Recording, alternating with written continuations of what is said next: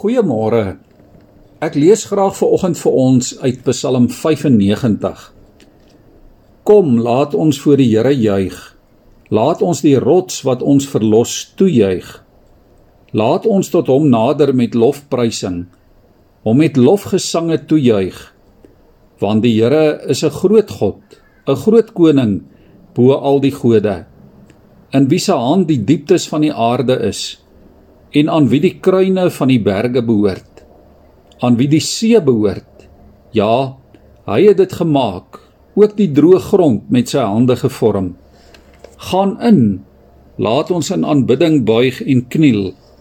Laat ons op ons knieë staan voor die Here, ons Maker. Want hy is ons God en ons is die volk wat hy laat wy, die klein vee van sy hand. As jy vandag maar net na hom wou luister. Ons sal waarskynlik vanmôre almal saamstem dat goeie gewoontes 'n goeie ding is. Dit is byvoorbeeld goed om positiewe rotine en gesonde gewoontes en gebruike en instellings te hê in jou gesin, in jou huishouding, in wat jou ingesteldheid teenoor jou beroep ensovoorts betref. Maar goeie gewoontes kan ook gevaarlik wees wanneer dit 'n blote gewoonte word. Wanneer 'n mens dinge outomaties en instinktief doen en nie regtig meer omgee of bewus is waarvan en waarmee jy besig is nie. Dis soos die ou wat gewoond was sy vrou sit in die oggend sy klere uit wat hy vir die dag moet aantrek. Dit was nogal 'n mooi liefdevolle gebaar wat vir jare so gedoen is. En een oggend was die ou haastig en vinnig in gedagte gaan hy deur die ritueel waaraan hy die vorige 20 jaar al so getrou meegedoen het. En toe hy by die werk kom, toe sien hy tot sy skok, hy het een van sy vrou se bruin blouse aan in plaas van sy eie hemp.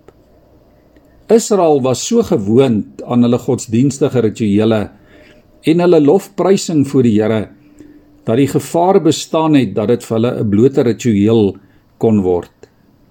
Hulle moes daarom heeltyd onthou dat God die skepper van die dieptes van die aarde en die kruine van die berge dat hy ook hulle koning is en ook die herder wat hulle is soos die kudde van sy eie hand versorg.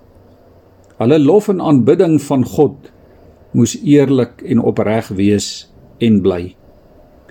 Liewe vriende, so kan ons maklik gewoond raak aan die lofprysing van die Here in ons byeenkomste sodat ons ontzag vir hom verloor ook in ons alledaagse lewe waar ons te doen kry met allerlei uitdagings en verantwoordelikhede. Ons lof aan die Here moet juis 'n energiebron wees wat vir ons hoop gee vir die lewe van elke dag. Verse 1 en 2 roep kinders van die Here op. Kom, laat ons gaan en kom ons val in eer betoon voor die Here neer. Dit is 'n oproep wat elke dag vir jou en my nuut moet wees. En ons kan elke dag bewustelik voor die Here leef. Ons kan weet hy is ons God en ons is sy volk, sy kudde, sy skape deur sy hand versorg. Kom ons buig ons hoofde vir oggend in gebed voor die Here.